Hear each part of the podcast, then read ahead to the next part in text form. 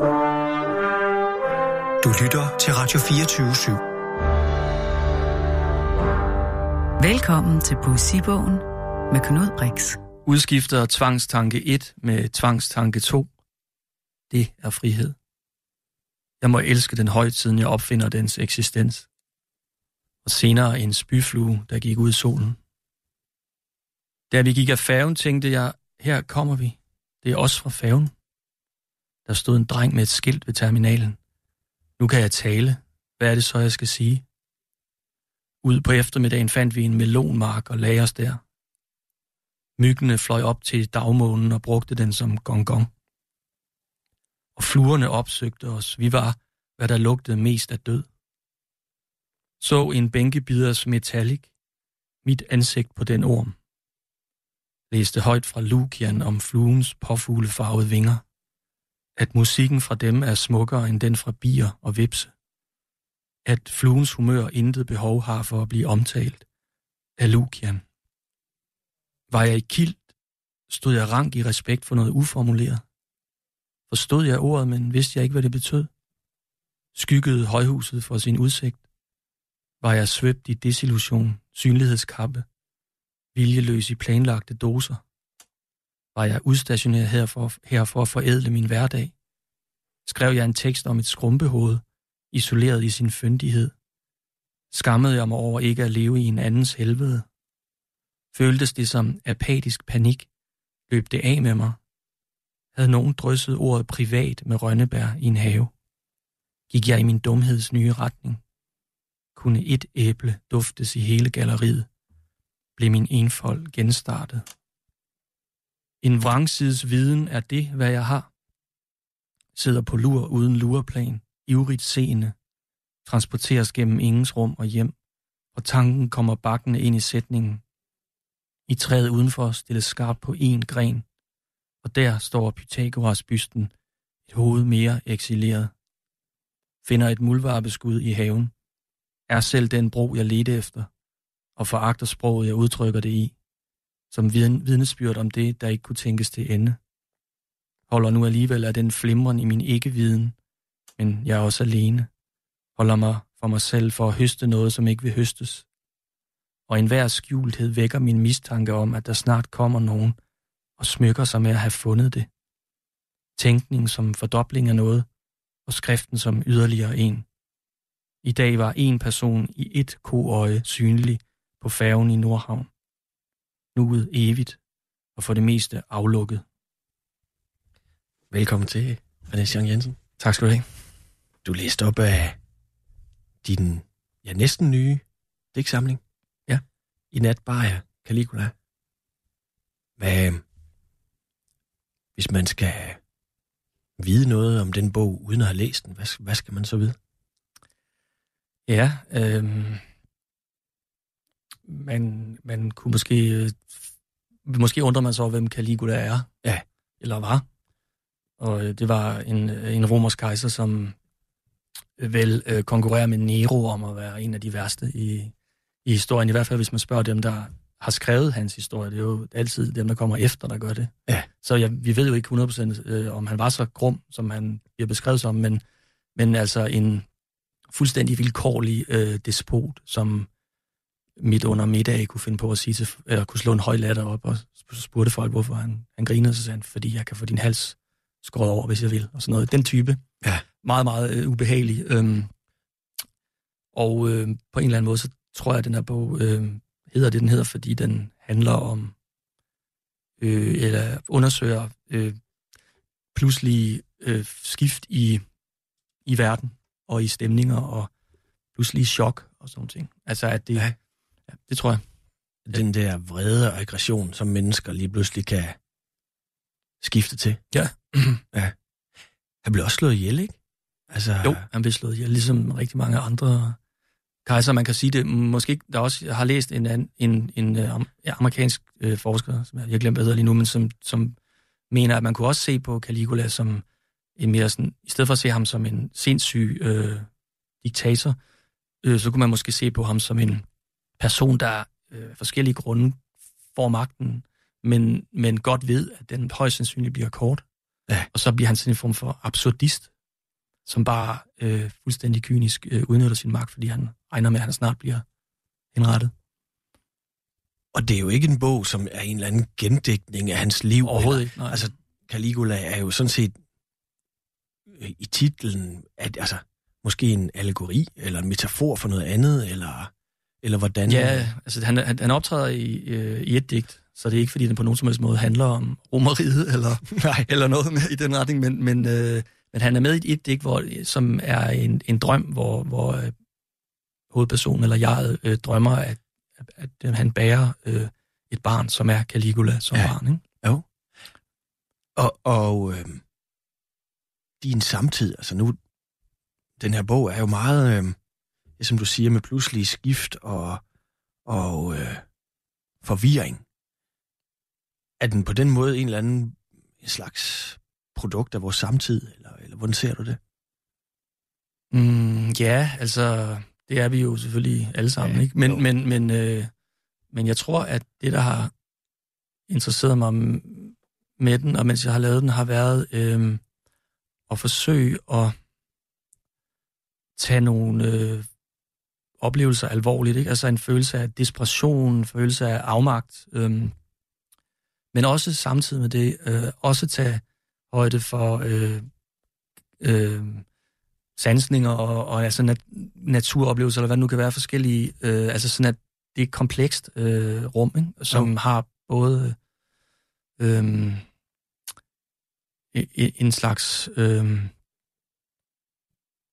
afmagt og, og, og øh, et mørke, hvis vi skal kalde det det, men også at, der, at, at det ikke får lov til 100% at, at vinde kampen.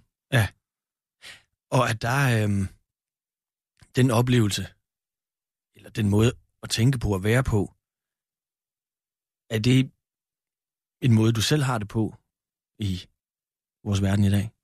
Altså, jeg har, jeg har det øh, sådan, at jeg tænker, at i forhold til i den her bog, at den måde, jeg har arbejdet med den på, har været et forsøg på at, altså helt konkret, og øh, jeg, jeg havde på et tidspunkt et, et stort manuskript, kan man ikke rigtig kalde det, men jeg havde en 300-400 siders øh, papir, som jeg havde skrevet på i nogle år, ikke, som var noter og smådigte og sådan noget. Ja. Og så øh, kunne jeg simpelthen ikke... Øh, når jeg skulle arbejde med det, og så, så, så øh, fik jeg hele tiden idéer, kan man sige, til hvad jeg kunne gøre med materialet. Ja. Men det gik op for mig, at alle de idéer, jeg fik, var på en eller anden måde øh, undvige manøvrer for at gå igennem hele materialet. Ikke? Ja.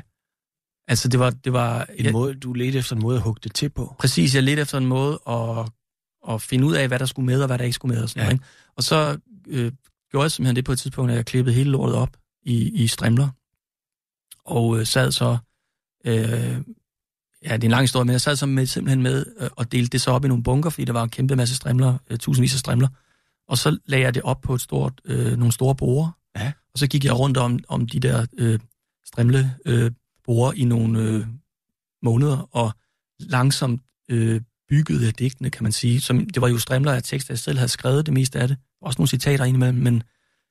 Øhm, og jeg spurgte mig selv undervejs, hvad, hvad har du gang i? Øh, men, men jeg kunne mærke efterhånden, som jeg kom ind i det, at der skete noget af det, som jeg havde ønsket mig, nemlig at der opstod nogle uventede sammenstød mellem, mellem ting, Ja. som jeg så øh, følte øh, havde, kunne sige hinanden noget, kunne, kunne noget med hinanden. Ikke? Og øh, på den måde svarede det til en oplevelse, jeg, jeg nok har og havde af verden som et ret... Øh, verden, det lyder så stort, men, Nej, men det er men okay. altså min oplevelse af at være i verden Ja. som et, et sted, der er meget... Øhm, der er fuld af uventethed på godt og ondt. Ja. Og at det handler om en form for åbenhed også, ikke? Som, som gør, at man, at man faktisk aldrig rigtig ved, hvad der sker lige om lidt. Nej. Og der kan man jo så blive ængstelig Det kan man. over den der usikkerhed, der er i verden. Ja. Ikke? Men, men det er da interessant, at du så har det der kæmpe materiale, du skærer det op i strimler, men de sætninger har jo så ikke nødvendigvis været skrevet til hinanden, eller altså det må da også give en eller anden kæmpe forvirring i forhold til, øh, Øh, jamen, det har hvad, jo der, hvad været... er der tilbage, og hvad skal man så? Ja, jamen, det har været sådan... Mit, mit, mit, øh, mit motto undervejs har, har været... Sådan det eneste stykke papir, der, der, der hang over mit bord, det var et citat fra en tysk digter, der hedder Heiner Müller, som et sted har sagt, øh, hoch die Blindheit, altså det betyder hurra for blindheden, ikke? Ja. Altså fordi det var så angstprovokerende for mig, det der med at arbejde med det her materiale, at jeg blev nødt til at have noget hjælp udefra, altså nogen, der hæppede lidt, som sagde, det skal nok gå, ikke? Du, lige nu ved du ikke rigtig, hvad, hvor du skal hen, men prøv nu bare at gå turen, ikke? Jo. Øhm, og øhm, så, så viser det sig jo, at utrolig meget bliver sorteret fra undervejs, fordi det ikke skaber nogen gnister. Det kan ikke noget med det materi- andet materiale. Og så sker der jo også det undervejs, at jeg kunne begynde, begynde, begyndte faktisk at se, at der var nogle temaer, der var nogle ting, som, øh, som øh, jeg øh, havde interesseret mig for øh, i lang tid, men, øh, men samtidig også en følelse af, at det, at det også lidt var en anden, jeg arbejdede med. Altså, at det, fordi det var jo, det var jo fysisk, det var, det var en fys, et fysisk arbejde med tekst. Det var ikke inde på skærmen. Så det lå foran mig på bordet. Det tror jeg også hjalp mig meget med at få en eller anden form for distance til nogle indimellem øh, ting øh, i teksterne, som er ret sådan, øh, øh, er mørke, vil jeg sige, i forhold til Ja. Ja, temaet og sådan noget. Men der må jo også være sådan en eller anden... Altså, det er jo næsten sådan en cut-up-teknik, Ja, ikke? Altså, øh, noget af det. når du så siger, at de ting, der ikke slår gnister, lader du ligge, hvad, hvordan... Altså, det er jo et stort spørgsmål. men Hvordan kan du så mærke, eller hvad er det, der gør, at teksten så lige pludselig slår gnister? Hvor gør den det? Det gør den. Øh, altså man kan jo, hvis man skulle være kritisk over for det her, ikke, så kunne man sige, at er det ikke bare dig, der sidder og leger gemmeleje med dig selv? Ja. Jo. Det er det måske ikke, men, Jo. men, men fordi det er jo ikke, der kommer ikke noget nyt uventet ind lige i den proces, men der kommer en eller anden form for øh, usikkerhedsrelation, eller der, skaber en, der kommer en åbenhed, som jeg til synligheden havde brug for i, i, i arbejdet med det. Ja. Og så har jeg jo så senere skrevet til og ændret selvfølgelig i processen, men, men det der, den der mosaikdel, eller hvad vi skal kalde den, hvor jeg har samlet det, der spørger du om, hvad, hvordan kan man være gnist? Altså, jamen det er øh, virkelig et godt spørgsmål, fordi det, jeg var meget opmærksom på, at det måtte ikke være, altså lad os sige, at der var en tekst med et æble Ja. øh, i, og så var der noget andet rundt. Og så tænker man, ah, noget rundt, et æble er rundt, og noget andet rundt. Det, Ja. kan vi, det, det måtte endelig ikke være den slags Nej. Hvor Øh, det ligesom befrugter hinanden. Nej, hvor det befrugter hinanden. Ja. øh, nej, altså det, men hvor, hvor der på en eller anden måde altså opstod noget, som jeg... Altså det er jo ren... Der er jo et element af intuition i det også, ikke? Men, Ja. ja. men altså, hvor jeg følte, at der sker noget her, som, som er øh, nyt og, og for mig, og, og som har en eller anden form for mere energi, som gør, at jeg ikke altid helt selv heller kan forklare, hvorfor jeg synes, det giver noget. Og alligevel genkendeligt, fordi det er dig selv, der har skrevet det. Måske i en anden kontekst. Ja. Men så bliver det lige pludselig 2 og 2 5 i stedet for. Ja. Ej, det er jo for simpelt sagt. Men Nej, er, det, er det der... Det er jo det, og det er også noget med at frigøre, altså, øhm, nogen, altså at frigøre det fra de der tekststeder fra en konkret kontekst, fordi det, det er vigtigt for mig, at det også slipper lidt mig. Ikke? Altså, Jo. at, så det er også en frigørelsesproces, tror jeg, at skrive på den måde, har det været. Og jo i hvert fald langt fra det der med at få en, ja, det måske ikke menes sådan, men en fix idé, som kan være en bærende idé igennem den tekst, som du så skærer det hele lidt til med. Ja. Så, så blander du jo kortene fuldstændig. Men, men altså, det er jo... Øhm, Og det tager jo lang tid, det der. Altså, det er jo 10 år siden. Du er jo ikke en digter, der nedkommer hver dag, vel? Nej. Altså, det, er jo- det, er jo, det er jo 10 år siden den her, som jeg sidder med her, jeg har planlagt. Øh, og dagdrømme. Altså, det, er det ikke 10 år siden? øh, det var i 2010, ja. Ni, Ja. ja. ni år. 9 ja. år? Ja. Så hvor lang tid har det taget dig at lave Caligula? Jamen altså, det, det er et godt spørgsmål, fordi det... øhm, Altså, det, det nemme svar vil sige, jamen det har taget ni år, ikke? Men, men øhm, jeg har også lavet andre ting og sådan noget ved, øh, ved siden af, så jeg gik ikke i gang med at skrive en bog, eller den her bog, lige efter den anden. Nej. Øhm, der havde jeg faktisk en idé om, at, øh, at hvis jeg skulle skrive noget igen, så skulle det... Øh, så havde jeg faktisk en slags fix idé om, hvor jeg skulle gå hen. Ja. Og det brugte jeg så noget tid på at finde ud af, at den fikse idé, den kunne jeg ikke leve op til. Og så øh, gik jeg jo så i gang med at skrive øh, øh, noter og ting og sager, men det er meget den måde, jeg skriver på. Det er altså, at jeg helst ikke skal vide for meget om, hvad det er, jeg laver. Altså, øh, Ja. Fordi jeg bliver meget øh, hæmmet af idéer. Du har jo selv øh, en lang skummel fortid som redaktør. Ja.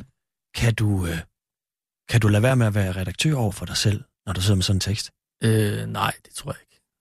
Er det generende, Øhm, at du sidder og har skrevet noget, og så samtidig ved du, hvad en, altså, eller bruger du en ekstern, jeg ved, du har brugt, jo, Janne Breinholt Bak, har du brugt, ikke? På min redaktør på ja. Gyldendal, ja. hvordan bruger du så, når du ligesom selv er redaktør, du er også digter, og så har du en, en anden redaktør, hvordan, hvordan foregår det Jamen, jeg tror, at øh, faktisk, altså, at det er øh, nogle forskellige øh, briller, altså, eller hvad man skal sige, nogle forskellige syn, som det, det, det der, øh, den der sådan, i den udstrækning, det er et kølig, udtryk for kølig overblik at være redaktør, ikke? Jo.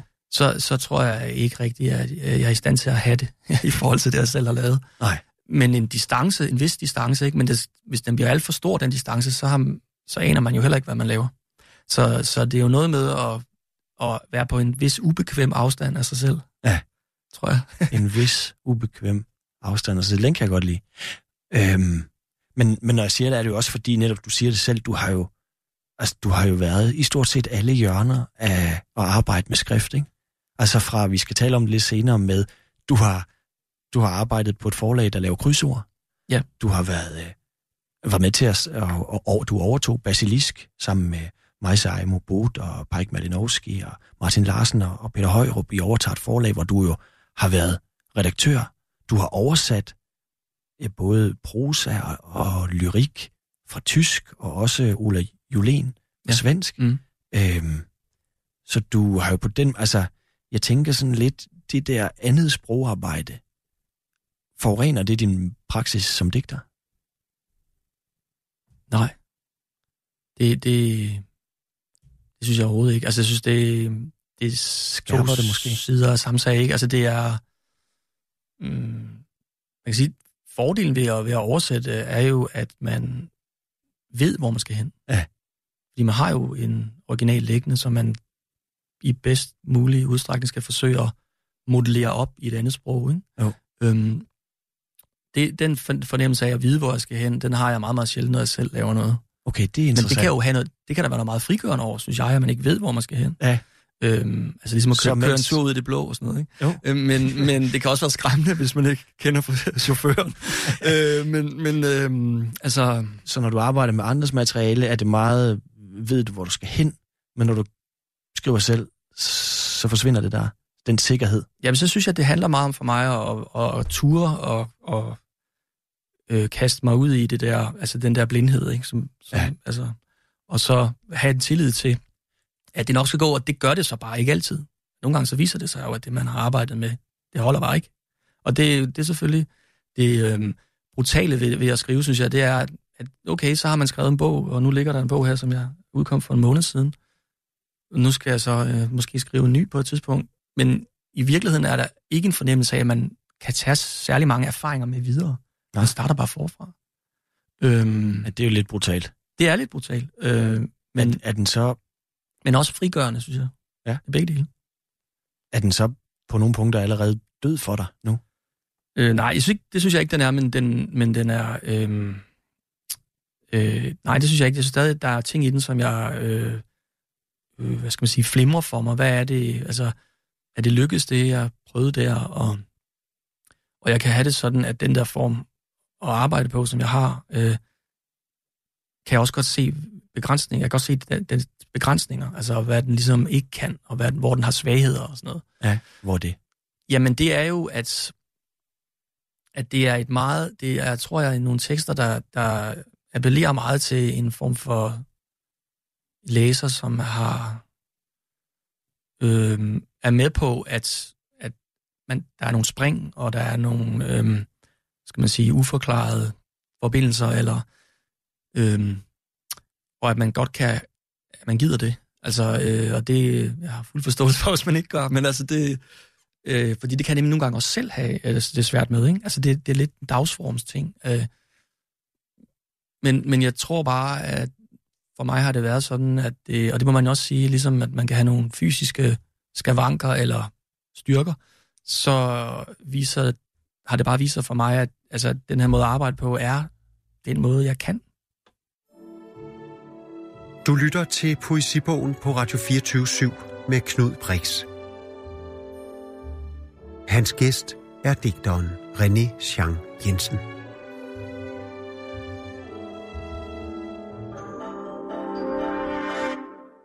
René Jean Jensen, vi har talt om øh, din seneste bog i nat, Bayer Caligula. Øhm, hvordan øh, du, er, du er 48 år gammel. Der, der findes jo nærmest intet biografisk materiale om dig, udover at du, øh, du har fortalt meget om din praksis, men, men nærmest intet om, om din baggrund. Hvordan har du det med alt det der biografiske stof? stof? Altså, du, øh, du er 48 år gammel, du er født i Hedensted i Østjylland. Ja. Øhm, Hvordan kan det være, at der nærmest ikke findes noget om dig? Og der ligger ikke et eller andet om en opvækst, og du har, nej. ikke, du har ikke brugt det der. Altså, du har ligesom set ud til bevidst undgået øh, at tale om andet end din tekst. Ja, men altså, det, det øhm, ja, er ikke fordi, at jeg altså, har nogle øh, vildt spændende øh, biografiske hemmeligheder, jeg Nej. holder tilbage. Jamen, jeg tror ikke, altså det har ikke været nogen, altså det har virkelig ikke været, det er ikke udtryk for nogen, hvad skal man sige, øh, plan fra min side. Nej. Altså, øhm, men, men øh, i forhold til sådan helt generelt omkring det biografiske, så øhm, tænker jeg, at med den måde, jeg har arbejdet på med mine bøger, så har det været for mig altså, vigtigt at prøve at frigøre mig fra, fra nogle af de, hvad skal man sige, determinerende ting, der ligger i at være en person. Ikke? Ja. Altså, vi har, vi har en historie, vi har en krop, vi har en, et køn, eller Et ophav. og et ophav og sådan noget ting, og det, og det er alt sammen fint og interessant, og, øh, men, men jeg tror bare, at jeg har mere haft fokus på at arbejde med, hvordan, øh, altså hvordan, hvad er det i os, som er øh, åbent? Ja. Og øh, man kan måske også sige fælles, men det, det ved jeg ikke helt. Det kan jeg ikke være sikker på, jo. Altså, Nej. Nej, fordi det er ikke der, det interessante ligger for dig, i hverken i, i din praksis, eller det, du selv, kan man sige, interesserer dig for. Det, det, det, har, det interesserer mig meget i forhold til altså det politiske. Altså har altid interesseret mig også, der er, som er en biografisk. altså ja. fra jeg var sådan relativt ung, har, har det været noget, der har inter- interesseret mig meget. Ikke? Altså Ja. ja. sidst i folkeskolen og gymnasietiden og sådan noget. Øhm, og det gør det stadigvæk, og, og, øh, og det er stadigvæk også meget for mig funderet i en, nogle spørgsmål, man kan have til, hvad vil det sige at være en person. Ikke? Ja. Altså, fordi at vi, øh, vi har nogle idéer om, at det politiske på en eller anden måde er forbundet med en sammenhængende udsigelse. Ikke? Altså, Jo. at man, altså, hvis man ændrer mening i det politiske felt, så, så kan man let få nogen på, øh, på hatten. Ikke? Jo. Øh, men vi har jo ikke den samme problemer i vores private liv med venner og bekendte, der ændrer mening. Nej. Så hvad er det for eksempel ved det politiske, der gør, at vi har en forestilling om, at, at man har et standpunkt, og så har, får man ikke et nyt? Øh, Fordi ellers så man, kan man enten blive anklaget for at være opportunist eller hyggelig eller sådan noget. Det synes jeg er interessant. Jeg synes også, det er interessant med, med hvad, hvad vil det sige at være et myndigt menneske? Ja. Øhm, som kan tage beslutninger og sådan noget. Og en eller anden, måske brønje, som adskiller privatmennesket fra en offentlig person, eller Præcis. noget andet. Ja, altså at, at øhm, og jeg tror, det for mig peger det på, at det er en langt mere mudret ting at være et jeg, end, end øh, vi normalt vil være ved. Ikke? Jo. Øh, også fordi det i sådan en si- situation, som vi er i nu, hvor vi begge to godt ved, at der er nogen, der skal høre det her. Ja. Allerede der har vi lidt øh, paraderne lidt oppe. Ikke? Altså, øh, jeg har i hvert fald. Ja, ja. øh, øh, men altså, men altså det, og der er noget skamfuldt i, at, øh, synes jeg, at, at vide, at man bliver lyttet til, simpelthen. Hvorfor? Ja, det er sgu et godt spørgsmål. Er det sådan en eller anden form for, man, man skal jo helst ikke stille sig frem og gøre sig til? Øhm, Altså, det er jo en meget jysk ting, ikke? ja, det er det jo. Det, det, kunne, det, kunne, det kunne der godt være noget af, måske, men, mm. men jeg tror alligevel, det ville være for nemt at sige, det kun var det, fordi at, øhm, at øhm, altså, jeg vil sige, det, der er jo masser af ting, der kan være skamfulde, som vi gør alligevel. Ja. Så det er jo ikke fordi, at, øhm, at det forhindrer os i at gøre det. Men hvis man bare lige piller det der fra hinanden, ikke? Ja. Altså, du skriver bøger Mm. for dig selv, og fordi du, du vil virkelig noget med det her, ikke? Du bruger jo altså absurd meget tid på det mange år, Mm. og så synes du alligevel, at det er skamfuldt, når der, hvis der sidder nogle lyttere, som kunne finde på at købe dine bøger, nogle læsere, eller at det ligesom er skamfuldt, at du så taler om det. Nej, altså det er jo ikke, det er jo ikke, det, det, det altså, Hvad er skammen så? Jamen, det er jo det. Hvad, hvad, altså, jeg tror, at, at der er øh, for mig en, en øh, oplevelse af, at det skamfulde kan ligge i, at man på en eller anden måde øh, arbejder med noget tekst, som når man udtaler sig om den tekst som forfatter, så opfattes man som en, der har en særlig privilegeret adgang til teksten. Ja. Det er jeg for det første ikke helt sikker på, at man har. Det kan man vælge at lade, som om man har. Ja. Jeg, ved, jeg ved, hvorfor jeg har gjort det. Det betyder det her, kære venner. Men, men, men jeg tænker, at man laver tekst og kaster det ud i verden, for at det skulle være et rum, alle kan gå ind i og være i. Så derfor, skammen for mig hænger sammen med, hvis, hvis man for meget, hvad skal man sige, føler, at man står i vejen for mm. det møde Okay. mellem læser og tekst. Ikke? Jo. Øhm, Men nogle gange har man jo også en fornemmelse af, at teksten på sin vis er klogere end den, der har skrevet den, ikke? Altså, at, Jo. At, kan der ligge noget i det, at du sådan tænker, jamen, hvem er jeg til at skulle få snak om min egen tekst, eller fortolke den, fordi den er sit eget? At du måske i virkeligheden ikke er, er lige så klog som din tekst? altså, ja, det vil man jo, jeg vil da håbe, at jeg ikke er det. altså, øh, men, øh, men altså, øh, ja, det, det tror jeg, der ligger noget ja. I det også. Altså, at det, men, Og altså, man på en eller anden måde ikke gør den ære ved at, at sige nogle banale ting om, hvem man er, og hvor man kommer fra, fordi det har sgu ikke rigtig noget med den tekst at gøre. På den ene side, og på den anden side, så er det også, kan det også meget nemt komme til at virke, som om man tværtimod kommer til at, at, at stå og larme utrolig meget med, at man ikke vil sige noget. Ikke? Jo. Så, så det, det, det, det, er, det er svært, men det er også, hvorfor vil man overhovedet tale om sin bog, hvis man tænker, man står i vejen for den. Det er jo dobbelt, for man ved, man ved jo også godt, at det øjeblik, man siger noget, så er man også med til at påvirke øh, læsningen af den, og det øh, er jo heller ikke 100% øh, uinteressant at være med til det. Nej, Nej. Altså, så det er, jo, det, det er jo som så meget andet ret øh, mudret, tror jeg. Men så lad mig spørge dig på en anden måde. Du har jo oversat øh, blandt andet øh, Thomas Bernhardt fra tysk. Du har jo, der er flere.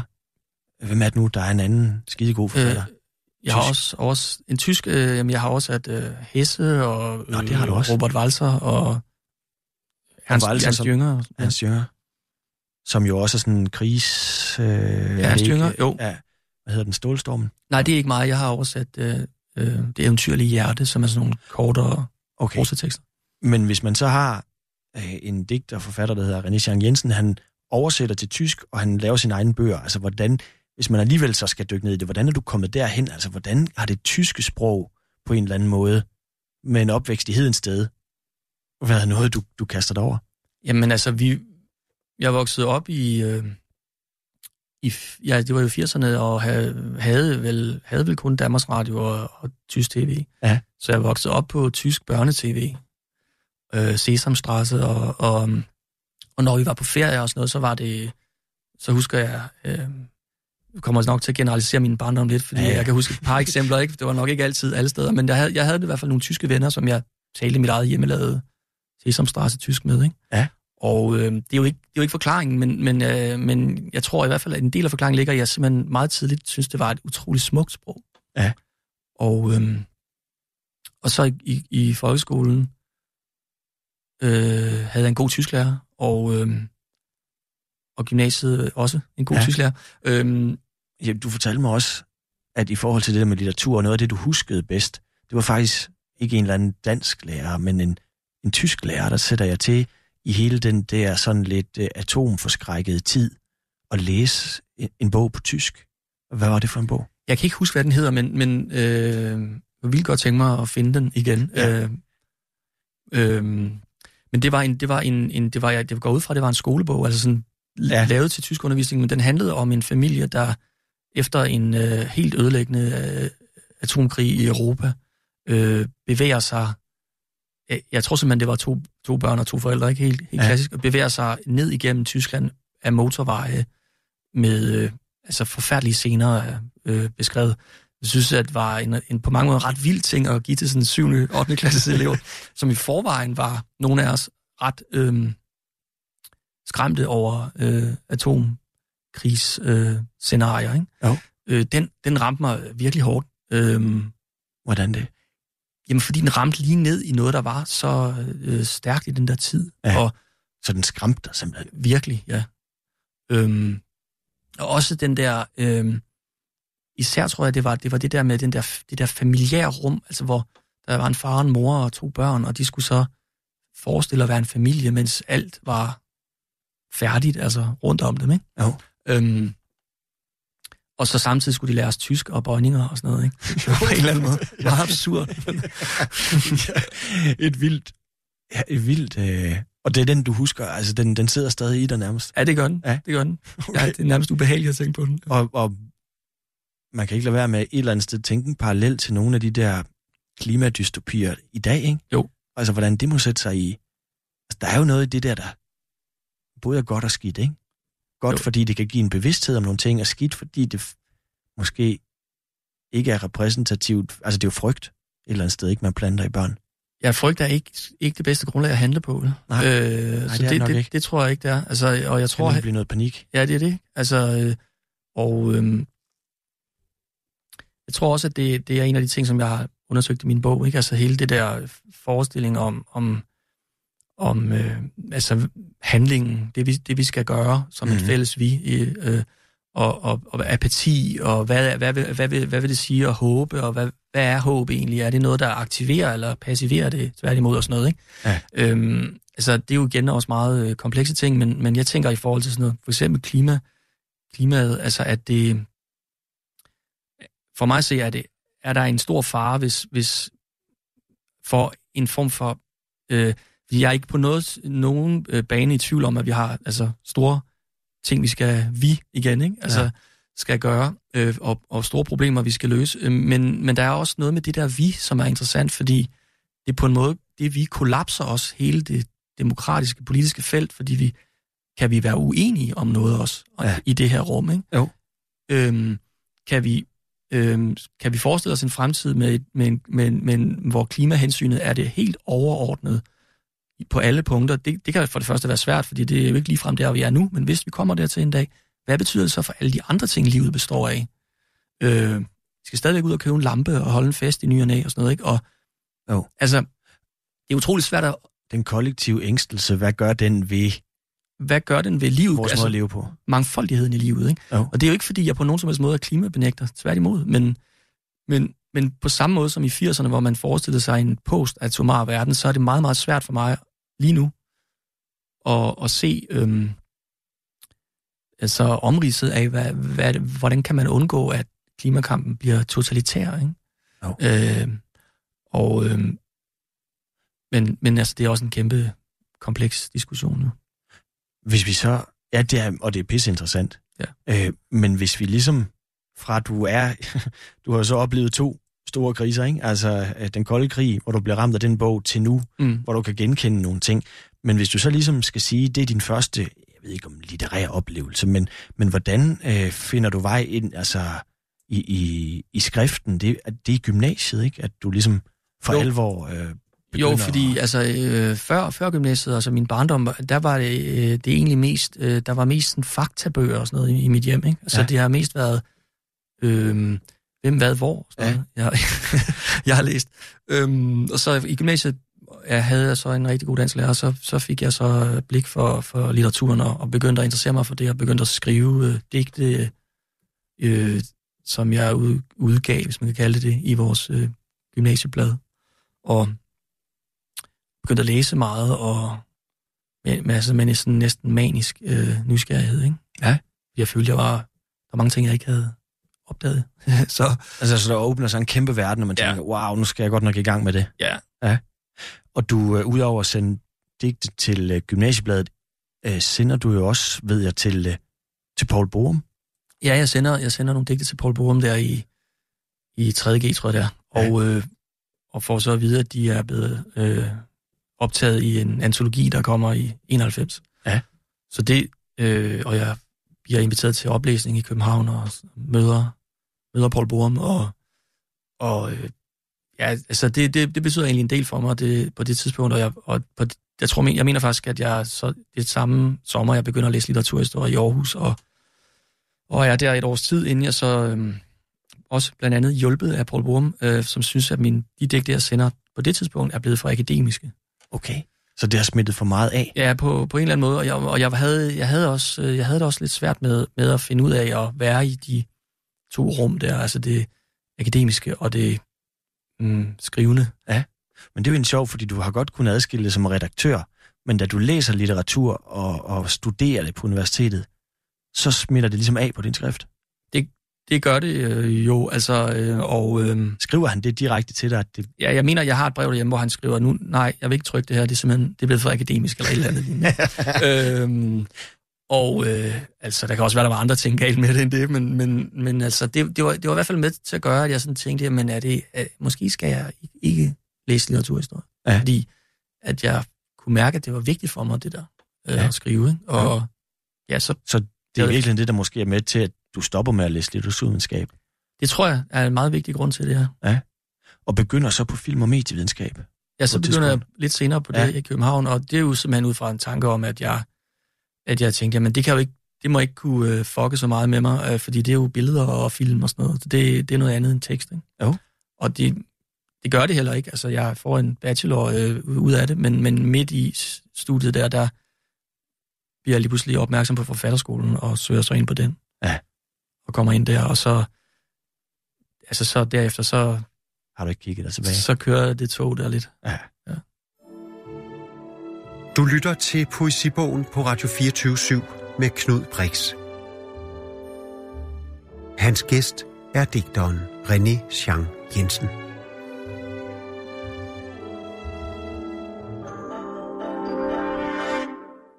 René Jean Jensen, du... Øh, altså man kan jo sige de der ting, så kan man sidde og tale om dem, og så giver noget af det mening, men det har måske ikke været sådan. Altså man prøver at finde et eller andet spor i et liv og sådan noget. Ikke? Faktum er jo, at du havner på, på forfatterskolen, og på et eller andet tidspunkt, et år eller to efter, debuterer. Øh, det skal vi tale om lidt senere. Men jeg kunne godt tænke mig at tale om den der mindst todelte praksis, du altid har haft. Ikke?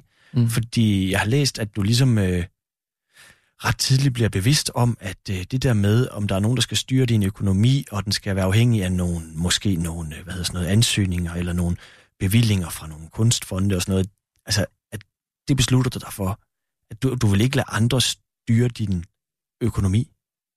Og Nej. så begynder du at få alle mulige jobs. Ja, altså, øhm, det lyder jo meget heroisk, men altså det, øhm, altså det, ja, altså det var, det var jo nok øh, efter øh, en lang periode, hvor jeg øh, havde, altså, havde søgt faktisk støtte, ikke? og ikke fået det. Og så på et tidspunkt, så blev jeg så nedtrykt over det. Jeg tænkte, at det var, det var en eller anden form for uheldig asymmetri i hele tiden at ligge på knæ uden at, altså, uden at få noget. Ikke? Så altså, på den måde er det jo ikke... Altså, det, var, det var nok, fordi jeg tænkte, jeg bliver nødt til at prøve at komme et sted hen, hvor jeg føler, at jeg selv kontrollerer lidt mere, hvad, hvordan mit liv hænger sammen. Ikke? Jo. Og øh, det er ikke, fordi jeg har noget som helst imod kunststøtten, eller øh, som sådan, men, men øh, men for mit eget vedkommende, så bliver jeg, så bliver jeg simpelthen nødt til at, at tænke på en anden måde. Og ja. så, ja, så, så havde, jeg, havde jeg så haft forskellige jobs. Og du blev postbud? Blev postbud en overgang, ja. Og, og, og så øhm, i 6-7 år var jeg så på, den her, på det her krydsordsforlag. Ikke? Hvor, ja.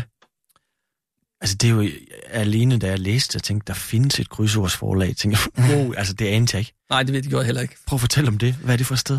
Jamen det er et sted, som øh, jeg har eksisteret i, i lang tid, nu kan jeg ikke huske hvor længe, men altså det har jo, øh, før i tiden var det jo sådan, at øh, kryds og tværs blev lavet ved håndkraft. Øh, øh, men men øh, jeg blev ansat på et tidspunkt, hvor man ville bevæge sig væk fra de håndlavede kryds og tværser til kryds og tværser, der i en stor udstrækning var lavet af computerprogrammer. Øh, ikke? Ja.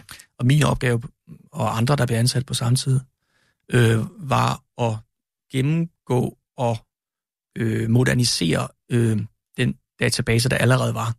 Og det var en database, som ikke var politisk korrekt, blandt andet. Ikke? Altså, der Hvordan var det? for eksempel ordpar.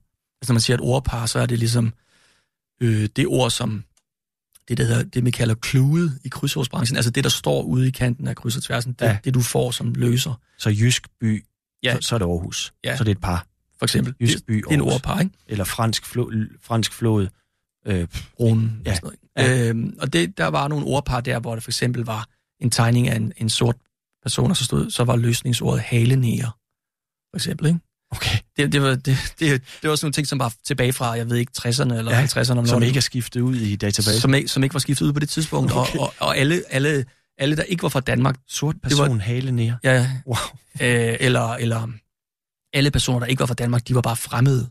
Det var, den, det var løsningsordet på, for eksempel, tysker.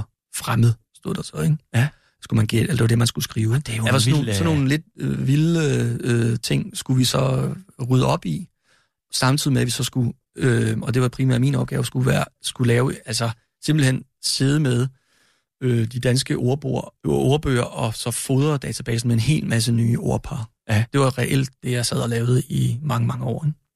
Eller ikke mange, mange år, men det føles som mange, mange år. Ja. Og jeg ved, du på et tidspunkt får det sådan lidt ala nærmest Noras ark. Ja. Altså syndfloden. Ja.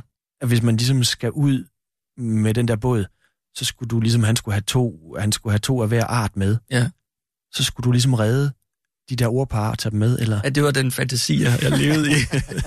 øh, fordi det var, man må også være ærlig at sige, ret sådan øh, monotont arbejde. Ikke? Ja. Sad Øh, du en hel, altså Jeg lavede dagen? ikke kun det, jeg lavede også selv kryds og tværs, altså vi, ved hjælp af computer, og jeg lavede også andre ting, børne, ja. børneblade og sådan noget. Der var også, Ja. ja. Det var ikke alt sammen øh, det her arbejde, men, men, men altså for ligesom at, at gejle mig selv lidt op, så havde jeg den her forestilling om, at jeg, jeg skulle redde en hel masse ord med ind i, i den her database. Ikke? Hvad kunne det være?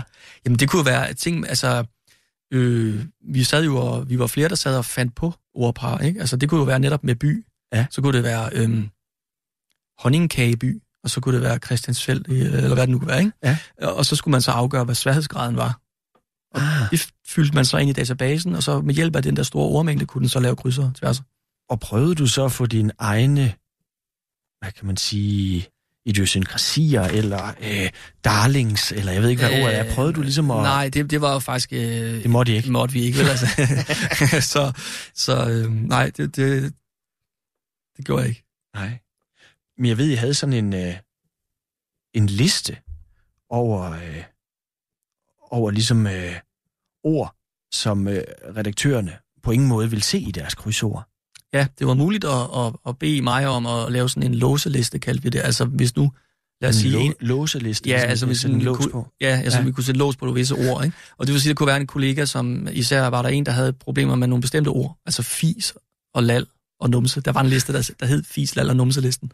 Og det var, fordi hun synes simpelthen, de ord var... Hun havde en idi- idiosynkratisk modstand, mod, ja. modvilje mod de ord. Og det var sådan set okay.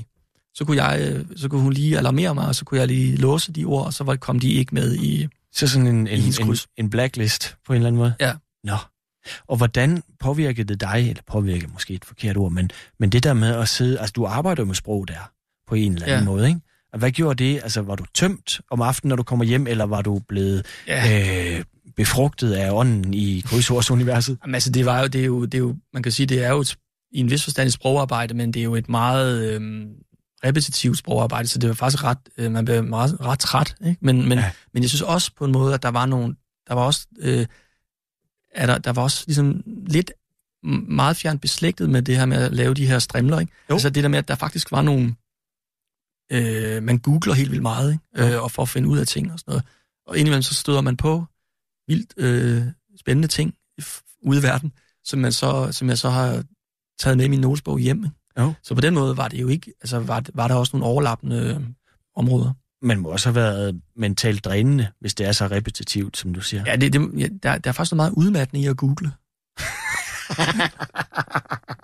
Øh, det vil jeg sige, hvis man prøver at gøre det en hel dag, så, så, så er det faktisk ret, øh, så er man ret træt, når man kommer hjem. Og jeg ved, du var jo heller ikke den eneste forfatter, der havde det her som, altså hvis man skulle have et arbejde ved siden af, at det har noget med sprog at gøre, øh, så det måske det værste sted alligevel, eller, Nej, altså, jeg ved, I var nærmest en hel række forfattere, der har været igennem derinde. ja, der har været mange. Altså, der er øh, Martin Larsen, som også er øh, på Basilisk, og Palle Sisgaard, og Anders Abelgaard, øh, Ida Marie Hede, øh, og, og chefen... øh, Peter Højer. Peter Højrup er der stadig, og, og chefen er Jesper Varmsløj er jo også selv forfatter. Ja. Så jo, Så sådan en, ja, Harald Votman også. Harald Rubin har også været der. Så sikkert også glemt nogle en, andre. en pseudo-verden et eller andet sted, ikke? Øhm, og jeg ved, det, noget af det værste, I kunne gøre, det var, hvis, hvis I lavede en fejl. Ja, det, det er et meget, øh, meget øh, fejlkritisk sted. Ikke? Og det er jo klart, hvis man, hvis man decideret laver en fejl, altså som konstruktør af Ja. kryds og tværs, så, så ringer folk jo og klager med, med god grund. Øh, så så, så fa- det er en nulfejlskultur. Ikke? Og hvad siger man så til dem, hvis de, hvis Jamen, de ringer og klager? Øh, da, da jeg arbejdede, der havde vi simpelthen sådan en, en telefon, hvor folk kunne ringe ind. Ja. Og øhm, der var indimellem folk, der ringede ind, som, som så øh, øh, klagede over fejl, hvor vi så kunne påvise, at det faktisk ikke var en fejl. Og det, man, bliver sådan, man kan nemt blive sådan lidt øh, nørd, øh, smålig nørd øh, af at, at arbejde i sådan en nulfejlskultur. Ikke? Fordi så kan man lige... Så kunne man i rette sætte kunden, eller hvad skal jeg sige, nej, det er faktisk ikke rigtigt, at jeg kan henvise til det og det her sted. Men der var altså også indimellem øh, skamfulde oplevelser af fejl, vi havde lavet. Det må man sige. Og digte sælger jo ikke altid desværre vildt mange øh, eksemplarer. Du, er, du får også det treårige arbejdslegat, som jeg ved betød meget for dig, at du får den der frihed til Ja. at dykke ned i, i, i din egen skrift, ikke? Men, men øh, det der med at have et fuldtidsarbejde, have børn, og så skulle skrive ved siden af, det, det lyder også som en, altså, som en voldsom ting. Altså, ja, ja.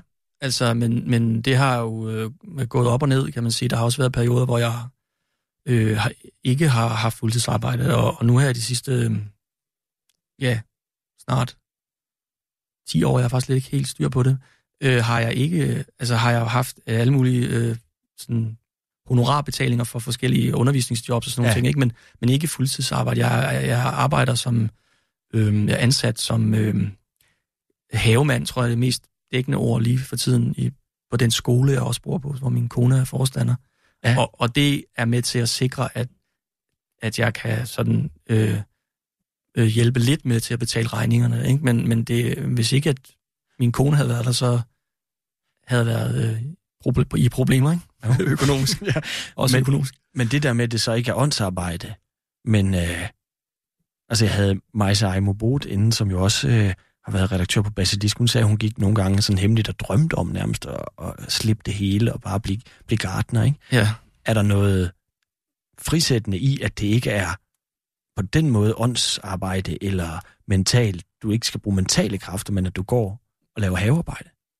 Ja, det synes, det synes jeg. Altså, jeg synes, jeg synes også, det er svært at... Og, øhm, altså, hvad skal man sige? Det, det, det, det, for mig har det altid været sådan. Altså, jeg har, jeg, jeg har egentlig altid sat meget pris på det der fysiske arbejde. Ikke? Altså, Ja. fordi, det, fordi det, det er en god modvægt altså, til, til, øh, til det andet. Men, men det er også en god modvægt fordi, for mig, fordi det også øhm, hvad skal man sige, øh, øh, peger på, at, at der, det er muligt at være flere ting Ja. på én gang. Ikke? Jo. Øhm, igen tilbage til det der med at have en, en brynje i forhold til, et, hvad man er som person, eller hvad man er på en scene, eller som forfatter, et eller andet. ja, Øhm, hvad er det så, når du bliver rigtig ramt af et eller andet poesi eller litteratur? Hvad er det, hvad er det poesien kan der? Jeg tror, det er, er øh, meget øh, for mig sammenlignet med en eller anden form for lynnedslag, altså af, af uventet klar, klarsyn, øh, skarpt, udtrykt, sanset, tænkt. Øhm, altså ting, som, som simpelthen bare sådan fejrer mig ned ad bordet. Og jeg ved, du har taget noget med, øh, som... Øh, Ja. Hvad er det, du har taget med? Jeg har taget en øh, tekst med af et brev af en russisk øh, forfatter, der hedder Daniel Rams. Ja. Fra en bog, der hed En uheldig forestilling, som vi udgav på Basilisk. Øhm, han var øhm, egentlig øh, børnebogsforfatter, men han skrev også en hel masse andet, som aldrig ikke udkom i hans levetid. Han blev i 30'erne, han døde i 42 af sult i, under belejring af Leningrad, fordi han sad i fængsel. Han var øh, stærkt upopulær hos Stalin og Stalins øh, venner. Ja. Øhm, altså blev kaldt antistalinistisk og sådan noget. Så, men, men, men hvorfor jeg har taget med, er, er jeg håber, at fremgår af, vi kan måske snakke om det bagefter, hvis vi skal snakke om det. Skal jeg læse det? Ja, lad os gøre det. Det er et brev, som hed, starter sådan her. Kære Nikander Andrejevich, jeg har fået dit brev, og forstod straks, at det var for dig. Først tænkte jeg, at det måske ikke var for dig, men så snart jeg havde åbnet det, så jeg, at det var for dig. Ellers havde jeg som end været lige ved at tro, at det ikke var for dig. Jeg er glad for, at du allerede for længe siden har giftet dig. For når en mand gifter sig med den, han vil gifte sig med, så betyder det, at han har opnået, hvad han ville. Og derfor er jeg meget glad for, at du har giftet dig. For når en mand gifter sig med den, han ville gifte sig med, så betyder det, at han har opnået, hvad han ville. I går fik jeg dit brev og tænkte straks, at det var et brev fra dig. Men så tænkte jeg, at det der vist ikke var fra dig. Men så åbnede jeg det, og så, jo, det var for dig. Det var godt, du skrev til mig. Først skrev du ikke, men så skrev du pludselig.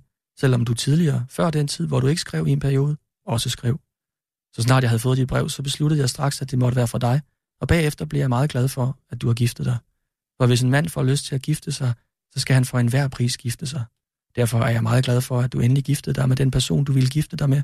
Og det var virkelig pænt af dig at skrive til mig. Jeg blev meget glad, da jeg så dit brev, og tænkte som straks, at det var fra dig. Jeg må indrømme, at mens jeg åbnede det, så for den tanke gennem mit hoved, at det ikke var fra dig. Men så besluttede jeg alligevel, at det var fra dig. Tak, fordi du skrev. Jeg takker dig for det og glæder mig på dine vegne. Måske kan du ikke regne med, hvorfor jeg, eller regne ud, hvorfor jeg glæder mig på dine vegne, men jeg vil straks fortælle dig, at jeg glæder mig på dine vegne, fordi du har giftet dig, og netop med den, du gerne vil gifte dig med. Og ved du hvad? Det er godt at gifte sig netop med den, man vil gifte sig med, for så opnår man, hvad man vil. Det er derfor, jeg glæder mig på dine vegne, og jeg glæder mig også over, at du skrev brev til mig. På afstanden var jeg sikker på, at det var fra dig, men da jeg tog det i hånden, tænkte jeg, hvad nu hvis det ikke er fra dig? Men bagefter tænkte jeg, nej, selvfølgelig er det fra dig. Jeg åbnede det selv og tænkte samtidig, er det fra dig, eller ikke fra dig? Fra dig, eller ikke fra dig? Nå, men da jeg havde åbnet det, så jeg, at det var for dig. Jeg blev meget glad, og besluttede også at skrive brev til dig. Jeg har meget at fortælle, men bogstaveligt talt ikke tid. Hvad jeg nåede, har jeg skrevet i dette brev, og resten skriver jeg senere, for nu har jeg overhovedet ikke tid. Det er i hvert fald godt, at du skrev brev til mig. Nu ved jeg, at du for længst har giftet dig. Fra de foregående breve vidste jeg, at du havde giftet dig, og nu ser jeg igen, det er fuldstændig sandt, at du har giftet dig, og jeg er meget glad for, at du har giftet dig og sendt mig et brev. Så snart jeg så brevet, besluttede jeg, at du havde giftet dig igen. Nå, tænkte jeg, det er godt, at du er der har giftet dig og har skrevet brev til mig om det. Skriv nu til mig om, hvem din nye kone er, og hvordan det alt sammen gik til. Hils din nye kone, Daniel Karms, 25. september 1933. Hvor er det vildt. Hvor er det vildt. Se en vild tekst. Det er jo både morsomt og... Ja, hold da kæft. Ja, det, det, det synes jeg også, altså det har en, det har en, der er en meget, øh, altså umiddelbart komik i det, men også efterhånden, det ved jeg ikke, min oplevelse er, at det bliver mere ubehageligt ja. og ubekvemt, det, jo længere det, man kommer frem i det, ikke? Jo. Fordi det på en måde er sådan en dement brevskriver, ikke? Men altså som ikke selv, det, på en måde underminerer teksten fuldstændig forestilling om, hvad litteratur er. Fordi ja. vi er vant til, at hvis noget er sagt en gang, så behøver vi ikke at sige det igen. Og at, og at der ligesom er en udvikling i en tekst. Den her tekst bliver ved med at stå og stampe oven i det samme hele tiden, ikke? På en, på en ret aggressiv, øh, næsten øh, sådan, ja, altså, der er, der er noget angreb over den, ikke? Ja. Øh, og for mig at se, det er svært at, altså, Daniel Kamps tekster er, har den her dobbelthed af, af sådan komik og dyb øh, uro, som jeg tror kommer af at leve i, altså i Sovjet, øh, og være, øh, ikke være en af hjemmedrengene, Stalins hjemmedrenge. Men den kan vel så også komme af at være i velfærds Danmark, fordi det der med dyb komik og uro, altså det er jo nogle af de temaer, vi har talt om. Ja. Og det er jo også noget af det, du indeholder, ikke? Jo. Øhm, ja, tiden er jo desværre voldsomt fremskrevet allerede. Og vi skal, vi skal til din debut, ja. øh, som jo ikke er på den måde en klassisk debut, men kommer i ligesom en, en, en, er det en serie af, af, af tekster? Ja, det er en serie, vi lavede på Basilisk, der hed B16, som var altså man, et ark papir foldet, sådan, det giver 16 sider. Okay. Og hvordan, øh, hvordan havde du det med at debutere? Jamen, øh, jeg havde det fint med den her, fordi den, den var, det var tekster, som jeg øh, øh, også selv undrede mig lidt over. Ja. Øh, fordi jeg havde en periode, hvor jeg bestemte mig for, at jeg ville indtale tekster på diktafon, da jeg var postbud og vågnede meget tidligt om morgenen. Der havde jeg sådan en, en, en fase der, hvor jeg var sådan halvvågen, og der indtalte jeg så de, nogle tekster på diktafon, og reglen var, når jeg begyndte at, at ligge og bestemme, eller hvad skal man sige, tænke over, hvad jeg vil sige, så skulle jeg stoppe. Ikke? Og dem skrev jeg så ind på min skrivemaskine, når jeg kom hjem fra postruten, og mange gange havde jeg måske lidt svært ved at høre, hvad jeg selv sagde, så der var også et element af, at jeg digtede, hvad jeg sagde. Ikke? Så der var en, en stor afstand igen. Tusind tak, fordi du kom, René Jean Jensen. Nu vil du læse op af din, øh, af din debut. Tak fordi du kom. Selv tak. Buschaufføren var blevet væk, men bussen stod der, og den kørte nu uden hans hjælp. Han kunne have lænet sig og sovnet tilbage i sædet og delt en vandfarvet øl med os. Jeg læste brugsanvisningen. Der stod, at hvis man kørte langs en å i den bus, så blev man selv den å. Sådan indlevede den sig i landskabet. Og bussens lygter var så kraftige, at det blev dag foran dem. Jeg holdt min ven i hånden, trøstede og kyssede ham på panden. Røveren med de to knive var på sporet af os. Min angst havde det for vane at begynde lidt tidligere end andres. Det kaldtes intuition og stor hej. Inde i forlystelsesvandet, som vi flygtede til, havde de frosset en sø. Forlystelsen bestod i, at det var vinter og alt andet udenom højsommer. De små drenge havde isklumper i håret og svømmede mavesvømning oven på isen. Du lytter til Radio 24 /7.